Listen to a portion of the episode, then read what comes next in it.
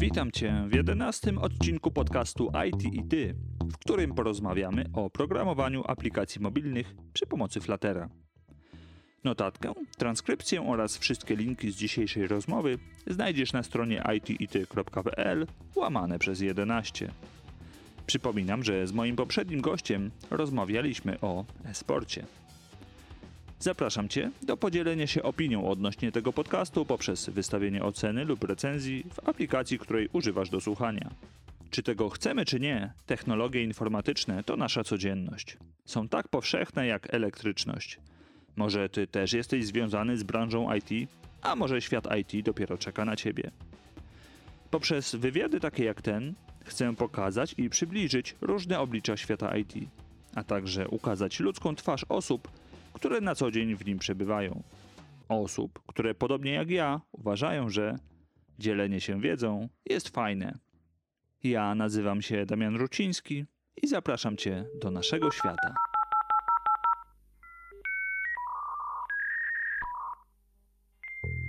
Tematem dzisiejszej rozmowy jest Flutter, narzędzie, które umożliwia cross-platformowe tworzenie aplikacji mobilnych, chociaż jak się okazuje, nie tylko mobilnych. O tym, co daje Flutter, czy warto się z nim zaprzyjaźnić i jak rozpocząć z nim przygodę, opowie nam Dominik Roszkowski, programista aplikacji mobilnych, po godzinach fan kosmosu i astronautyki. A co najważniejsze w kontekście naszej dzisiejszej rozmowy, specjalista od Fluttera. Od kilku miesięcy dumnie noszący miano Flutter GDE. Cześć Dominik. Cześć, witam serdecznie. Zacznijmy od pytania na rozgrzewkę.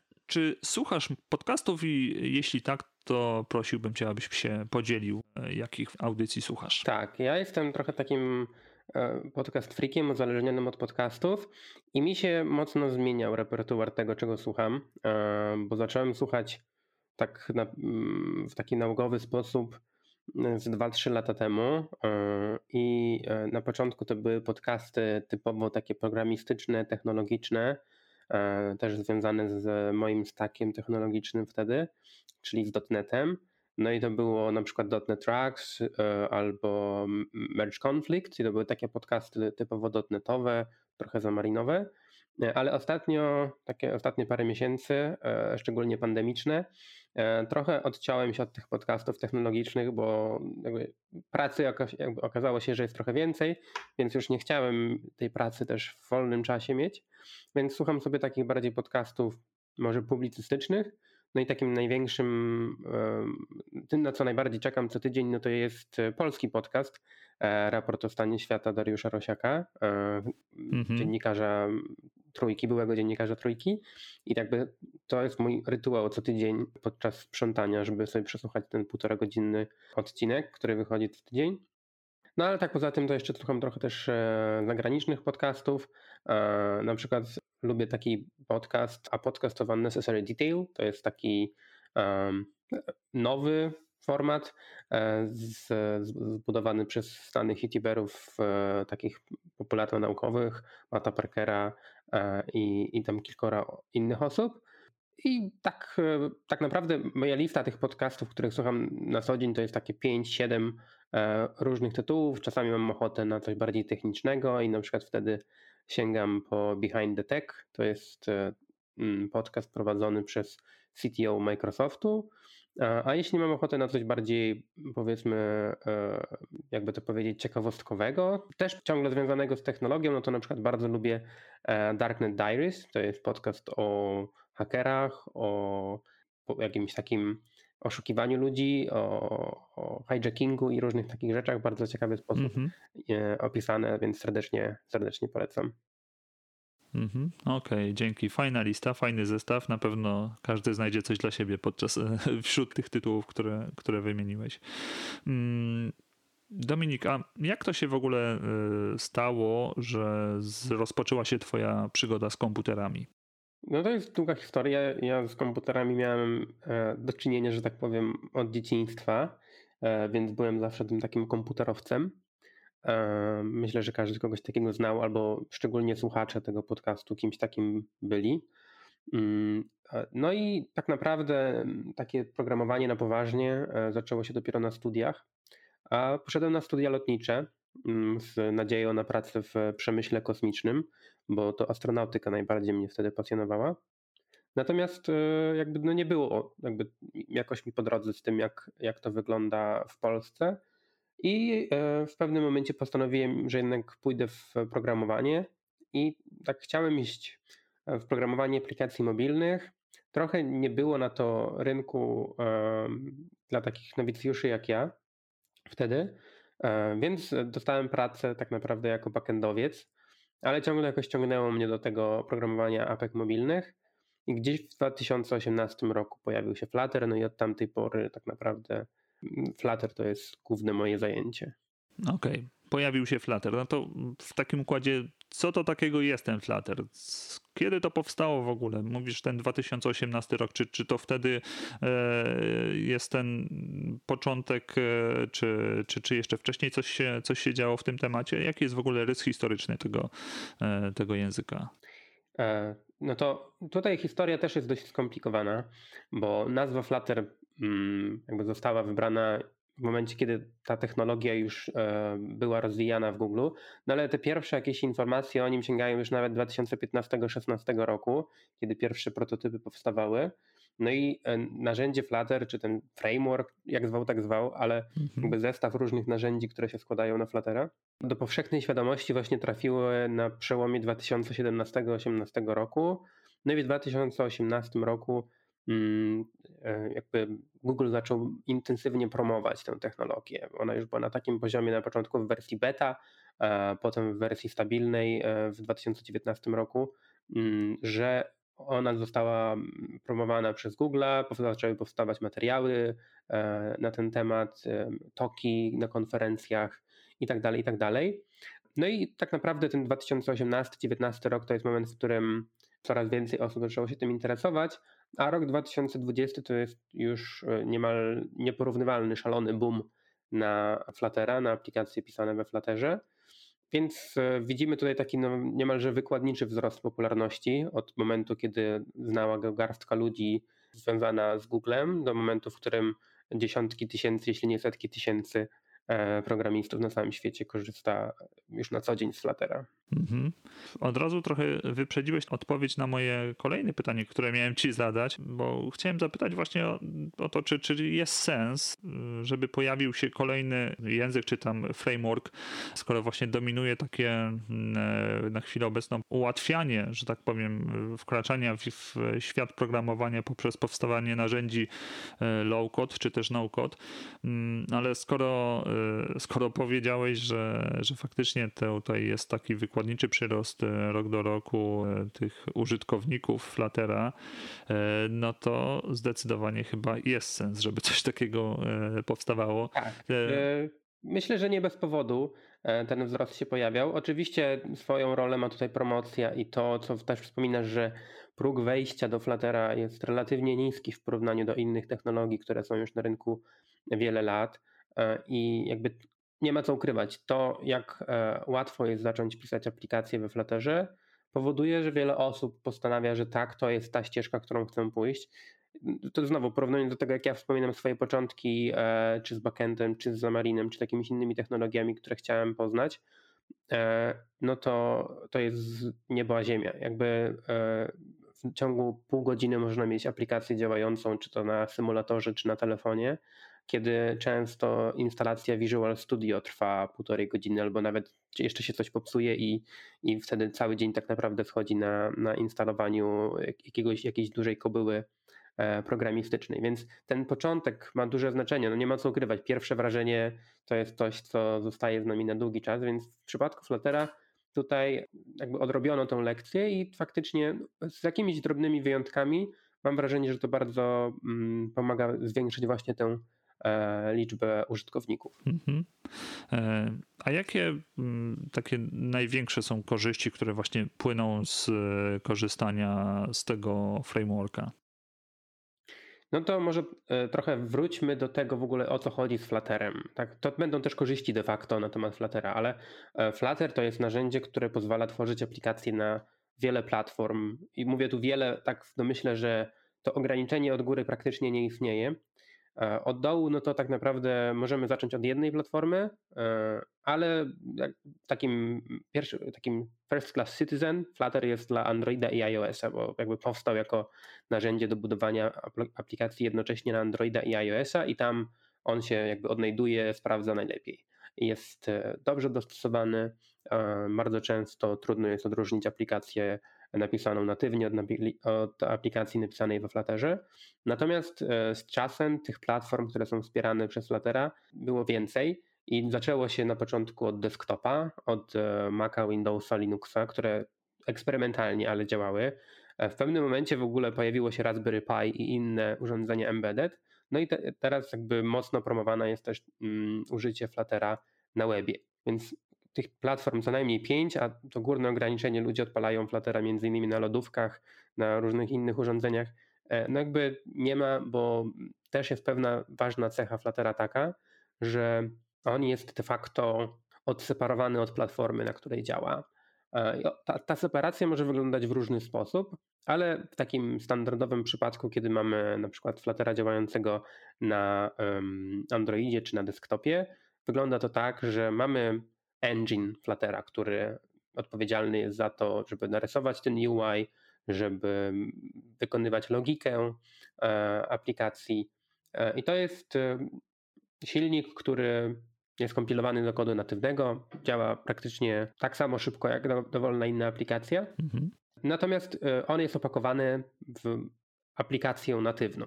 I to, to mam na myśli coś takiego, że za każdym razem, kiedy budujemy aplikację androidową, iOS-ową, no to wokół niej jest dużo różnych elementów po prostu wymaganych przez platformę. Czy to ikony, czy e, splash screen, jakieś asety, dźwięki, tego typu rzeczy. E, to wszystko musi być jakby po prostu dołączone do aplikacji i Flutter jako narzędzie, już nie jako engine, ale jako narzędzie, powoduje, że kiedy budujemy aplikację na wybraną platformę, no to on łączy właśnie ten, tą aplikację Flutterową z tym, co jest wymagane na danej platformie.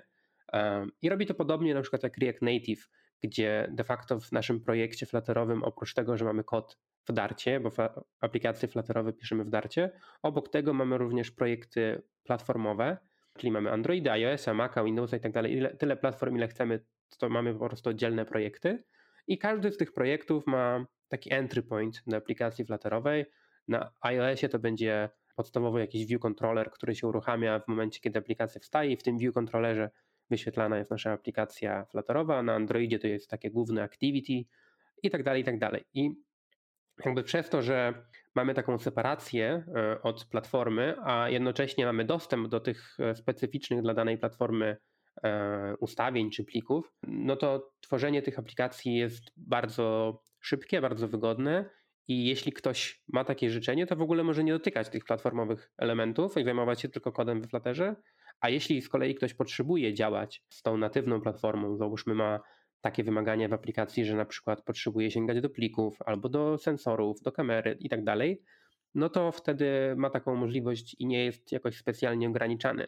Ja na przykład pracując w Zamarinie kiedyś, miałem bardzo duży problem z tym, że tam takiego dostępu do plików platformowych nie było. Jakby Gdzieś to było ukryte w kompilatorze Xamarina, to budowanie projektu androidowego, budowanie projektu iOS-owego i programista nie miał praktycznie dostępu na przykład do Gradle'a albo nie miał dostępu do ustawień Xcode'a w prosty sposób, a we Flutterze taki dostęp ma. I myślę, że to jest taka cecha, którą bardzo docenią e, osoby, które już mają jakieś doświadczenie e, z programowaniem aplikacji mobilnych, że nikt ich tutaj nie będzie ograniczał. Natomiast to, co mówiłem na początku, czyli że jest ten niski próg wejścia i łatwość działania, no to jest z kolei cecha, która będzie zachęcać bardzo osoby, które dopiero zaczynają swoją przygodę z programowaniem. Mhm, Okej, okay, czyli e, spektrum osób potencjalnie zainteresowanych Flutterem jest dosyć szerokie, tak? Tak, i to widać, to widać e, w, na rynku, gdzie to znowu przejdziemy trochę, skoczymy na inny temat, ale widać to na przykład w ofertach pracy, czy też w tym, jakie projekty są realizowane w tych większych firmach, gdzie są dziesiątki programistów albo setki programistów zatrudnione, że tam po prostu seniorzy e, danej, danej natywnej platformy przekonwertowali się albo dodali do swojego portfolio e, umiejętność pracowania z Flutterem i jakby dla nich jest zupełnie naturalne. I to widzę czasami, jak na przykład robię jakieś code review albo code assessment, że widać, że ludzie po prostu mają takie przyzwyczajenia androidowo albo iOS-owe i piszą ten kod we Flutterze w taki sposób, jakby pisali aplikacje natywne. Nie ma nic z tym złego, bo jakby w ten sposób ludzie są e, prawdopodobnie o wiele bardziej efektywni. Natomiast jest to bardzo ciekawe spostrzeżenie, jak się widzi, że ludzie z różnym, mm, różnymi doświadczeniami w różny sposób podchodzą do tej samej technologii, a osoby, które zaczynają albo od zera, albo na przykład wcześniej miały kontakt tylko e, z webem, e, mają jeszcze inne podejście do Fluttera. Mhm. I jakby w tych ci wszyscy, czyli to najmniej powiedzmy trzy takie podstawowe kategorie, realizują te projekty w całkiem fajny sposób. I myślę, że to fajnie właśnie pokazuje, że, e, że to spektrum jest bardzo szerokie. Czyli nie, nie ma jednej konkretnej ścieżki, którą czy tam podejścia, które można zastosować, tylko, tylko każdy może według swoich przyzwyczajeń bądź rzeczy, które. Tak, no to trochę mhm. brzmi idealistycznie oczywiście i e, idyllicznie, natomiast e, jakby to jest właśnie ta, ta cecha, która moim zdaniem bardzo E, działa na wyobraźni i też pokazuje każdemu, kto zaczyna, że warto trochę dłużej posiedzieć z tym Flutterem i przekonać się już co do innych cech Fluttera, tak? bo my tutaj mówimy tak naprawdę o tym samym początku Aha. E, experience, takiego, takiego doświadczenia z Flutterem, natomiast potem jakby z czasem pojawiają się oczywiście i problemy, to jest jakby nieuniknione.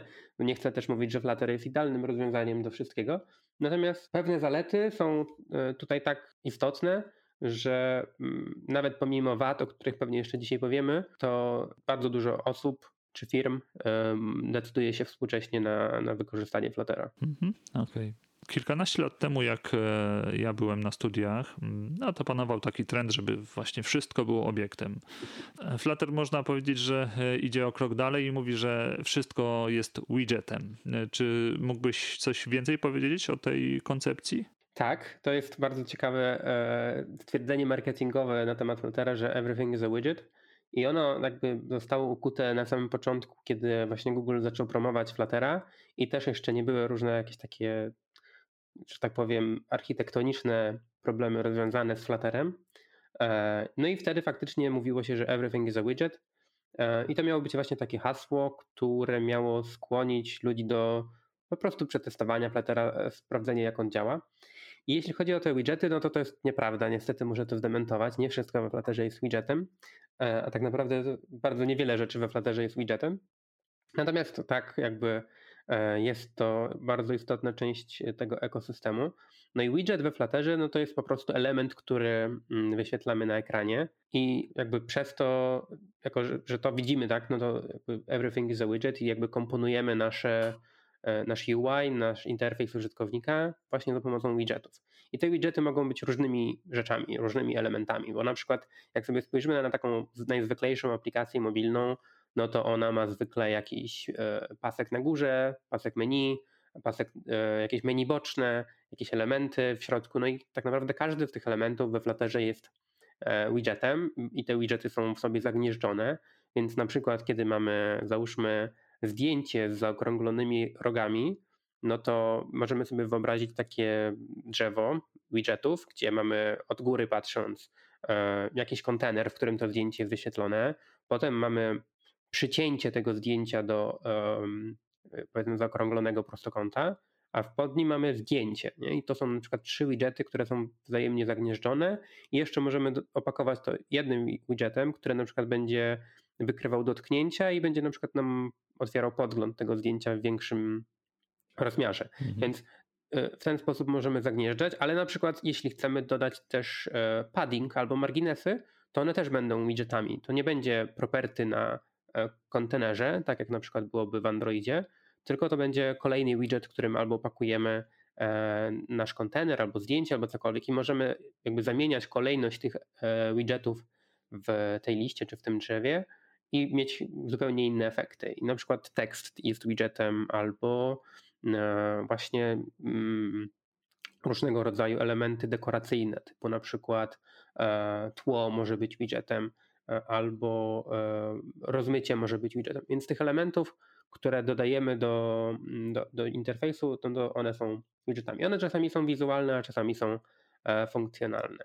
No i jakby to jest tylko ta warstwa, warstwa prezentacji. I jakby jeśli mówimy tylko o warstwie prezentacji, no to faktycznie wtedy wszystko jest widgetem i w takim nawet bardziej skomplikowanym przypadku, czyli gdzie chcielibyśmy też w, tych, w tej warstwie prezentacji trzymać tak zwany stan, czyli to jest taki, taki słowo wytrych, które też jest bardzo często wykorzystywane w aplikacjach czy mobilnych, czy webowych, że mamy ten stan.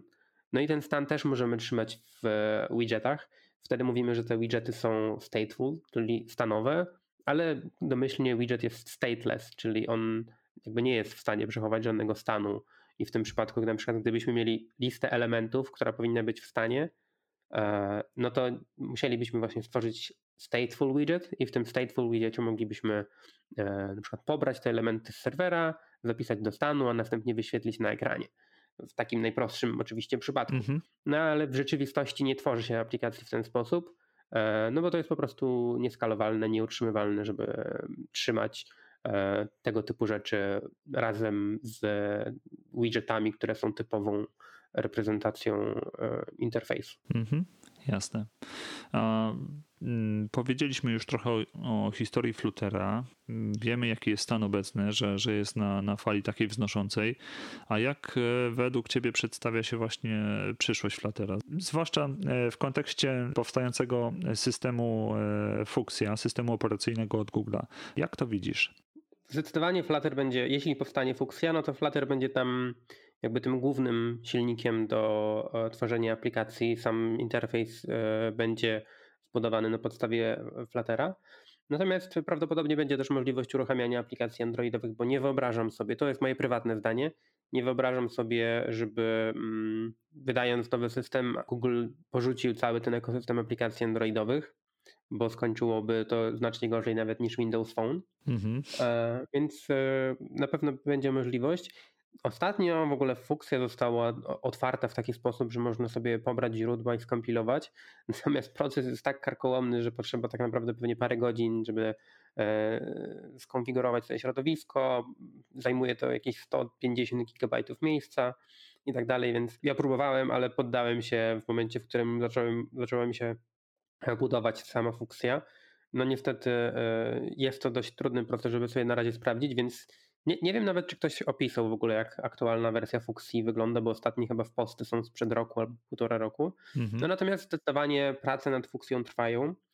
E, czy faktycznie tak będzie się nazywał ten system, też nie wiadomo, bo Google często zmienia te nazwy kodowe na jakieś inne. E, no natomiast y, jeśli jakby sobie pomyślimy, jak wyglądał ekosystem aplikacji mobilnych 5 czy 10 lat temu, no to moim zdaniem nie będzie niczym dziwnym, jeśli za 5 czy 10 lat będzie na tym, e, w tym środowisku, na tym rynku e, kolejna jakaś platforma, na przykład właśnie jakieś tablety czy, aplik- czy urządzenia z systemem Fuchsia.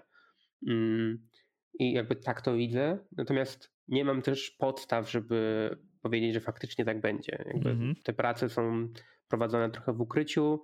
E, one mogą być eksperymentem, który być może zostanie potem wchłonięty do Androida, a może będzie oddzielnym e, urządzeniem. Trudno tutaj e, jednoznacznie wyrokować. Natomiast myślę, że każdy powinien mieć świadomość tego, że za 5 czy 10 lat ten ekosystem czy ten rynek będzie wyglądać zupełnie inaczej niż dzisiaj. Mhm, jasne. No to jest tak dynamiczne środowisko, że, no, że faktycznie ciężko tutaj cokolwiek, cokolwiek rokować. Wspomnieliśmy już o mm, popularności języka, e, języka frameworka, e, ale chciałem zapytać o, o tą popularność e, jeszcze w kontekście społeczności dookoła tej technologii, bo zarówno na rynku globalnym, jak i na naszym rodzinnym polskim poletku. Jak to się przedstawia? No, popularność Fluttera jest e, duża. No i też nie ma co ukrywać, popularność Fluttera jest duża tam, gdzie e, tak powiem, koszty pracy są trochę niższe niż, e, e, niż e, gdzie indziej. No i to widać, popularny Flutter jest między innymi w Polsce i, i wszędzie dalej na wschód, w Indiach, w Ameryce Południowej. No to są miejsca, gdzie Flutter jakby szturmem zdobył rynki, gdzie wcześniej też powstawało dużo aplikacji cross-platformowych, gdzie na przykład Xamarin, Cordova, Ionic były bardzo popularne. No i teraz Flutter tak naprawdę zajmuje ich miejsce bo rozwiązuje dużo problemów, które tamte technologie miały. Oczywiście nie da się tego zrobić z dnia na dzień, ale dużo software house'ów czy agencji, które kojarzę gdzieś tam z rynku, które wcześniej zajmowały się jedną czy drugą technologią cross-platformową. Dzisiaj ma albo przynajmniej kilku programistów, albo w ogóle skonwertowało się zupełnie na, na Fluttera, więc widać tę popularność rosnącą tam. Natomiast e, dostrzegam też rosnący udział e, Fluttera w takich już bardziej mm, premium agencjach czy firmach, gdzie no po prostu Flutter staje się kolejnym e, elementem w ich portfolio. I po prostu jeśli ktoś potrzebuje aplikacji cross-platformowej, która spełnia takie a takie wymagania, no to będzie ta aplikacja stworzona we Flutterze, tak jak ktoś mógłby zdecydować, że ma być stworzona w React Native, a nie na przykład natywnie. Więc e, ta popularność jest. E, community jest bardzo fajne pod tym kątem, że jest naprawdę świeże, jeszcze nie jest, mam nadzieję, że nie będzie e, zmęczone jakimiś wewnętrznymi problemami. Myślę, że każdy, kto gdzieś tam w jakimś community działał dłużej, to mm, dotarł do takiego momentu, gdzie a to były jakieś wewnętrzne niesnaski, a to jakieś problemy, a to jakieś frakcje, które ze sobą nie chciały jakoś specjalnie współpracować. Natomiast we Flutterze to community jest e, ciągle bardzo zdrowe, bardzo dynamiczne, młode. Łatwo tak naprawdę z niewielkim wysiłkiem jest się w stanie poznać tych najbardziej aktywnych członków społeczności. Mm, łatwo też jest się wybić i, i to widać, że tak naprawdę niektórzy w kilka miesięcy są w stanie jakby znaleźć się wśród tych najbardziej popularnych członków społeczności. No niestety pandemia trochę popsuła te szyki, e, natomiast w, przed pandemią bardzo aktywnie działały meetupy, małe konferencje. Sam współorganizowałem konferencję Flutter Europe, która e, rok temu w styczniu odbyła się w Warszawie i była największym wydarzeniem wtedy dotyczącym Fluttera. Mm, meetupy niestety przeszły do online'u, więc trochę to powiedzmy ucichło, natomiast ciągle prężnie to community działa, spotkania się odbywają. E, różnego rodzaju społeczności działają, czy to na Reddicie, na Discordzie, na Slacku, e, na YouTubie, więc gdziekolwiek ktoś by szukał, e, jeśli na przykład ktoś z Polski chciałby poszukać jakiegoś wsparcia we Flutterze, to ja serdecznie zapraszam na grupę na fejsie, po prostu Flutter Developers Poland, gdzie no, pewnie już ponad tysiąc osób jest i jakby ktoś, jakby pomagamy każdemu, kto tam się pojawi, nawet z najgłupszymi pytaniami, staramy się e, wesprzeć, pokierować e, zupełnie oddolnie, więc e, tutaj zapraszam, jeśli chodzi o polskie community. Mm, natomiast też zapraszam na meetupy, bo to jest chyba, jakby ja najbardziej cieszę się z tego, jak widzę, że kolejny meetup organizuje spotkanie nawet pomimo pandemii. Więc to jest taki element tego, tej społeczności, który dla mnie jest najistotniejszy. Mhm. A teraz chciałem zapytać trochę bardziej e, o Fluttera, ale w Twoim takim prywatnym kontekście, ponieważ jesteś Google Developer Expertem i chciałem o to właśnie dopytać, jak wygląda proces, jak, żeby zostać Flutter GD, kiedy można go rozpocząć i finalnie co daje taki, taki status? Flutter GDE, czy w ogóle GDE, to jest taki tytuł nadawany przez Google. Mm, przedstawicielom społeczności, którzy się jakoś wyróżniają w jakiś sposób, czy to działają e, właśnie na meetupach, czy tworzą jakieś artykuły, e, albo mm, jakieś warsztaty, inne tego typu rzeczy. Jakby jest to wyróżnienie, e, które jest trochę arbitralnie przyznawane. Oczywiście mm, najłatwiej jest, jeśli ktoś ciebie zgłosi, w tym sensie, że ktoś dostrzeże jakiś inny GDE, dostrzeże twoją aktywność, no i wtedy zgłaszany zostaniesz e, do Google'a, no i wtedy zaczyna się jakiś tam wewnętrzny proces e, weryfikacji tego e, i można wtedy albo samodzielnie się zgłosić po prostu do kogoś, żeby mm, jakby oficjalnie rozpocząć ten proces, albo ktoś z Google'a może się zwrócić do nas z taką propozycją. Więc ten sam początek jest trochę rozmyty i trudno jest tutaj jednoznacznie wskazać, jak zostać GDE. Natomiast jeśli ktoś jest aktywny w społeczności w dowolny sposób, to prędzej czy później taka propozycja prawdopodobnie zostanie mu złożona, czy to przez innego GDE, e, czy e, nawet właśnie przez kogoś e, z organizacji. No i tutaj jakby proces jest dość formalny, to znaczy na początku jest oczywiście taka weryfikacja, sprawdzenie, czy kogoś faktycznie to, co tworzy, to, jest, to są jego treści. No potem jest interview techniczne, w którym trzeba sprawdzić, czy faktycznie ta osoba która e, zajmuje się daną technologią, ma odpowiednią wiedzę, żeby sygnować e, ją mianem GDE.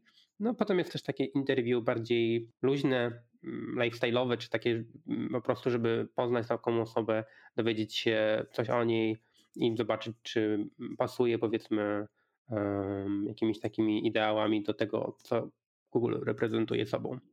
Więc ten proces jest y, w zależności od tego, pewnie do jakiej technologii. We Flutterze jest relatywnie krótki, to jest mniej niż pewnie 2-3 miesiące, żeby przejść właśnie przez wszystkie te interview i, i, i takie sprawdzenie umiejętności. No i ostatecznie zostaje się GDE.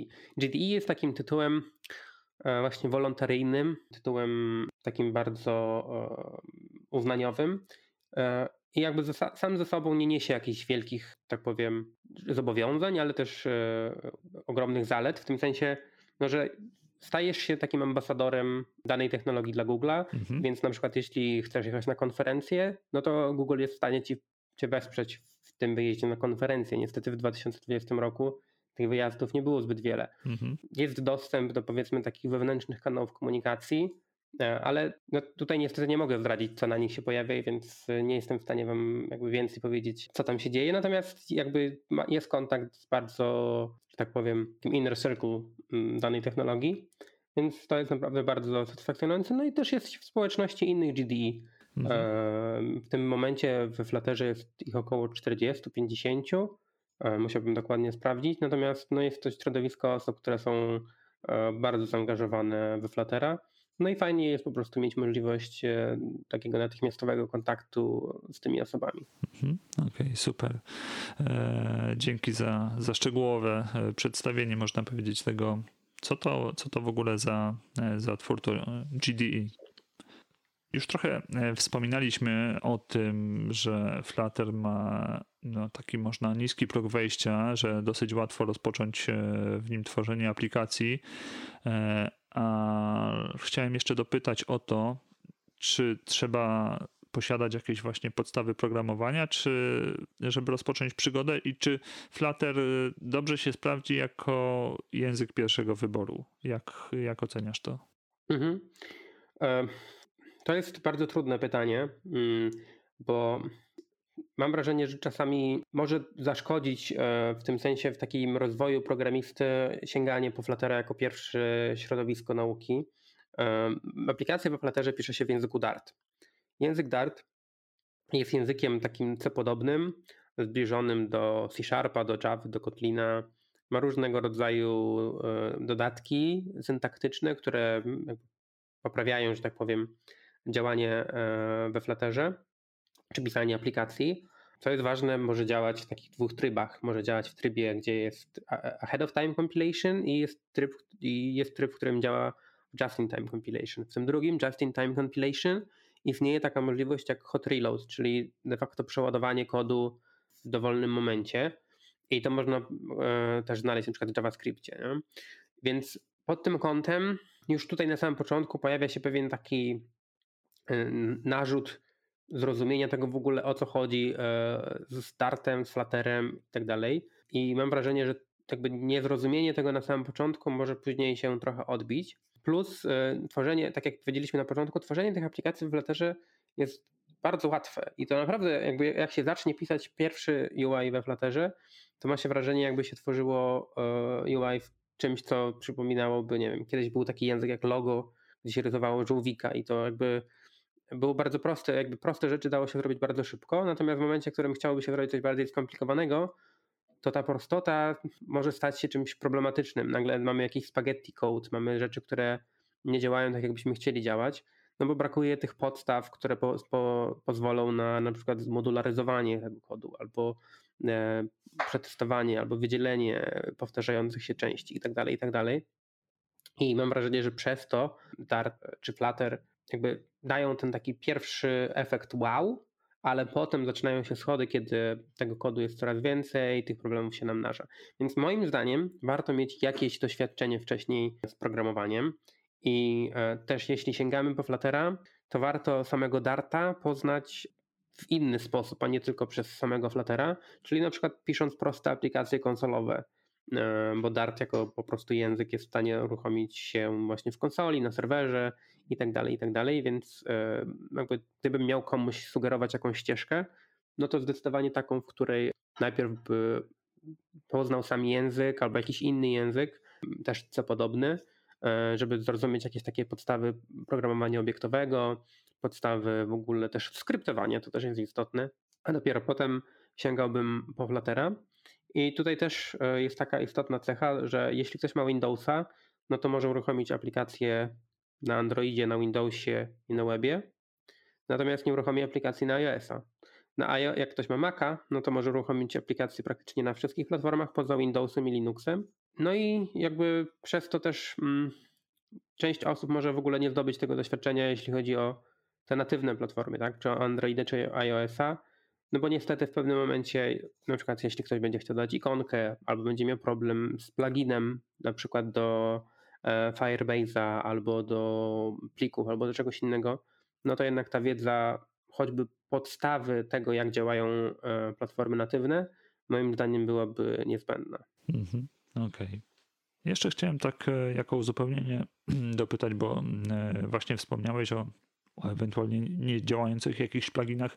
Jak e, wygląda w ogóle, jak przedstawia się ten, ten rynek, ten świat, e, jeśli chodzi o, o pluginy ułatwiające życie programistom?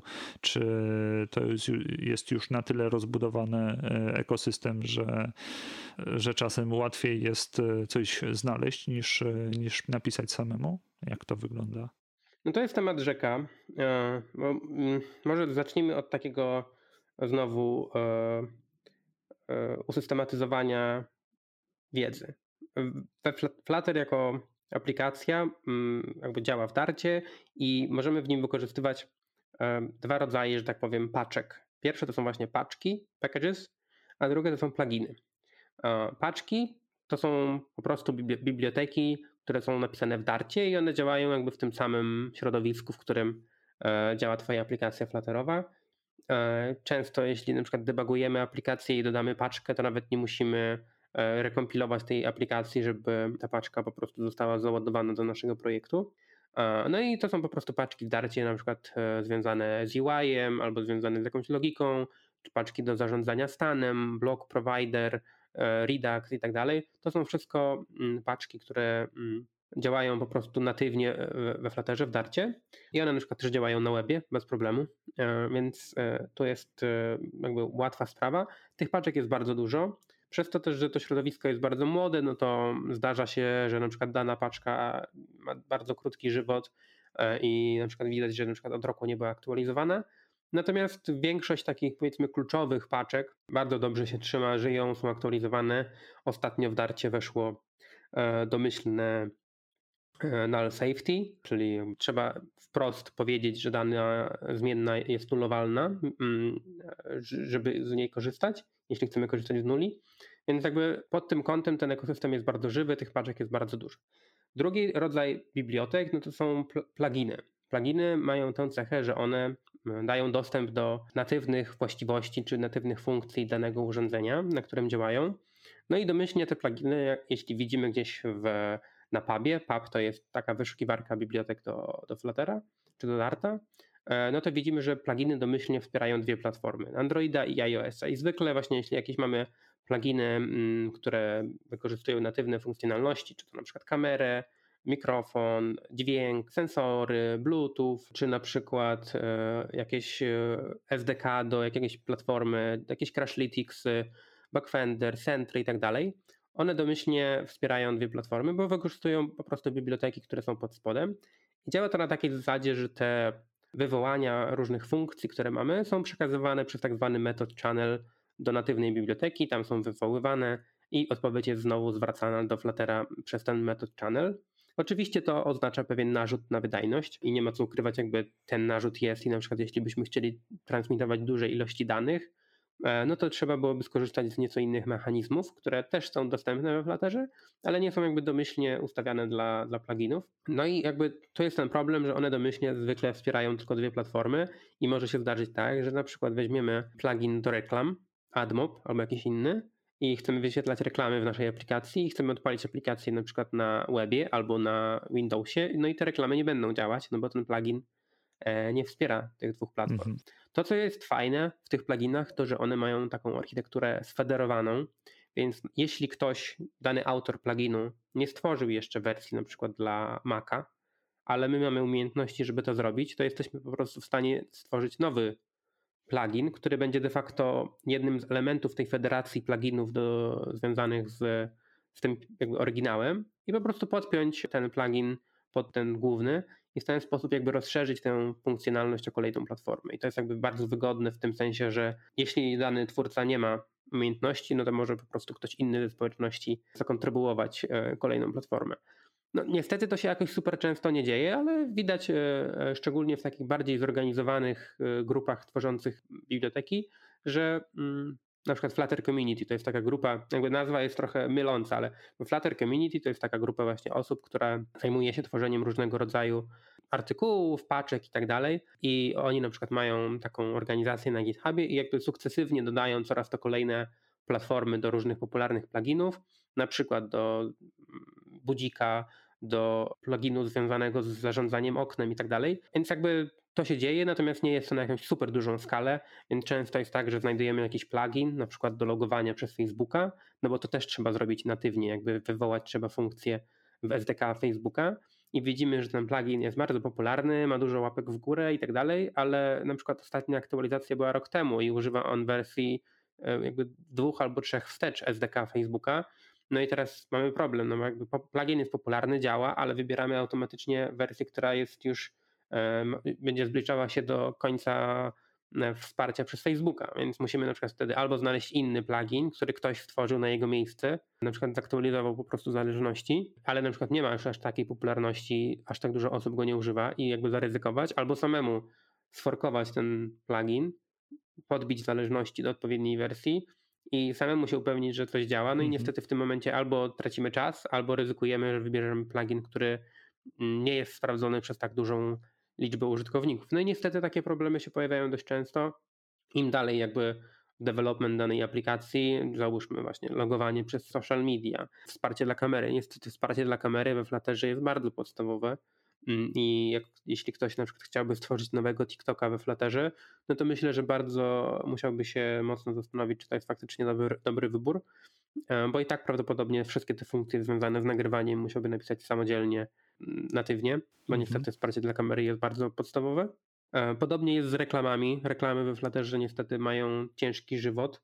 Jest nadzieja na to, że w przyszłym roku będzie lepiej, że te reklamy będą wyświetlane jakby natywnie we Flutterze, w samym Flutterze, a nie przez e, widoki platformowe, czyli teraz to działa tak, że jeśli wyświetlamy reklamy, no to reklamy tak naprawdę wyświetlają się ponad aplikacją, albo są wyświetlane jakby w ramach takich platform viewsów w aplikacji, czyli de facto natywny, czy tam androidowy, czy iOSowy widok jest przesyłany do Fluttera, żeby został tam wyświetlony, więc ma to pewien narzut wydajnościowy, czy też jakby średnio to wygląda pod kątem e, UX-u. Mhm. Więc na przykład z reklamami jest pewien problem i jakby trzeba znowu wybrać mniejsze zło de facto, tak? Czy chcemy wybrać reklamy, które działają dobrze, ale nie mamy kontroli nad ich położeniem, czy chcemy wybrać reklamy, które działają tak sobie, ale przynajmniej dokładnie możemy umieścić je w dowolnym miejscu aplikacji.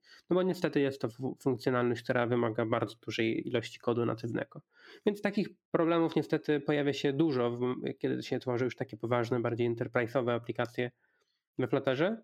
No jakby przez to, że mamy dostęp do tych platform, no to e, bardzo łatwo jest różnego rodzaju problemy też rozwiązać. E, napisać coś w kodzie natywnym, wziąć jakąś bibliotekę, która jest dedykowana dla Androida, dla iOS-a i ją po prostu podpiąć. Mhm. W przeciwieństwie do na przykład właśnie jakichś innych technologii, gdzie do te, tego dostępu do natywnych platform nie mamy. Okej. Okay. Trochę zahaczyłeś tutaj o, o wątek właśnie pojawiających się problemów. Czy są jeszcze jakieś e, właśnie rzeczy związane z tym, co jest niefajne we Flutterze? Czy coś, e, przed czym chciałbyś przestrzec potencjalne osoby, które, które by się chciały tym językiem zainteresować? Jakieś coś, co, co przeszkadza? Powiem tak, jest e, trochę takich elementów, które się pojawiają od czasu do czasu, które bywają irytujące, ale jakby myślę, że nie są bardziej irytujące niż inne problemy w innych technologiach. E, natomiast warto jakby wymienić kilka z nich, żeby po prostu mieć jasny obraz tego, e, co Flutter umożliwia, a czego jednak nie. No i tak jak wspomniałem przed chwilą, właśnie te pluginy i możliwość wykorzystania natywnych bibliotek, no to jest zależne od tego, czy ktoś już stworzył dany plugin, i jakby jakie API wystawił, bo trzeba pamiętać, no, że jeśli mamy bibliotekę A na Androida i A na iOS-a i one mają nieco różne API, e, różne metody, no to będziemy mieli tylko część wspólną tych, tego API e, we Flutterze, więc tutaj tracimy momentami jakieś funkcjonalności. No i też przez to, że to są jakby już często nieoficjalne pluginy, no to na przykład ryzykujemy użycie starszej wersji. E, oczywiście dużo firm mm, po prostu wystawia SDK natywne i na przykład ostatnio AWS od Amazona e, zaczął tworzyć oficjalne pluginy do AWS-a do, do, w Flutterze, więc będzie to oficjalne wsparcie, no bo jednak Amazon zauważył, że Flutter jest na tyle popularny, że te biblioteki muszą być oficjalnie natywnie wspierane. Do tej pory niestety trzeba było wykorzystywać nieoficjalne biblioteki, które nie zawsze działały idealnie. E, I nie dość, że jakby sam AWS miał problemy, no to jeszcze się pojawiały problemy związane właśnie z samą paczką, która była mhm. napisana gdzieś tam na kolanie, bez jakiegoś error handlingu i tak dalej. Więc jakby to są takie problemy, które po prostu wynikają z tego, że no nie ma tej, tej kontroli jakości związanej e, z tymi pluginami. Problem albo też trochę też zaleta jest taka, no, że Flutter bardzo szybko się rozwija i jeśli e, jesteśmy przyzwyczajeni, że pracujemy w jakichś takich technologiach, gdzie update jest raz do roku albo raz na dwa lata, jak na przykład w Androidzie, mm, no to we Flutterze jest trochę inaczej. Te update'y regularne są co kwartał i jakby można się liczyć wtedy właśnie z, mm, z ławiącymi zmianami, z breaking changes i jakieś rzeczy po prostu w aplikacji trzeba wtedy zrefaktorować. No i niestety przez to też, że to tempo jest takie szybkie, e, no to niektóre rzeczy potrafią się czasami popsuć nagle i, znaczy niektóre, to są pojedyncze przypadki, ale wtedy zwykle hotfix jest w ciągu dwóch, trzech dni i można mm, kontynuować pracę, natomiast zdarza się tak, że jeśli na przykład mamy wersję aplikacji, która była zbudowana we Flutterze rok temu i dzisiaj ją odpalimy, no to niestety na aktualnej, stabilnej wersji no to mo może nas spotkać dużo błędów i podświetleń na czerwono, albo jakichś ostrzeżeń o wycofaniu danego elementu. I jakby przez to warto jednak tę aplikację i te zależności regularnie aktualizować, podbijać do najnowszej wersji, no bo niestety jesteśmy na tym etapie jeszcze rozwoju Fluttera, gdzie, gdzie mm, no niestety te łamiące zmiany się pojawiają. Też e, community się wypowiedziało w jednej z ankiet, że społeczność woli jakieś breaking changes, zmiany API, niż utrzymywanie wstecznej kompatybilności na przykład z wersją 1.0 mhm. E, Fluttera. No teraz mamy na przykład wersję 1.22 chyba. Więc jakby to tempo rozwoju jest dość szybkie. Jeszcze jakieś inne problemy? No ta społeczność jest fajna i jest bardzo aktywna, ale brakuje jeszcze w niej e, takich mm, doświadczonych, solidnych takich osób z taką bazą wiedzy, gdzie na przykład jak sobie sięgniemy do społeczności React Native albo do społeczności Androidowców, no to tam jest bardzo dużo treści takich merytorycznych, głęboko sięgających w zadaną tematykę.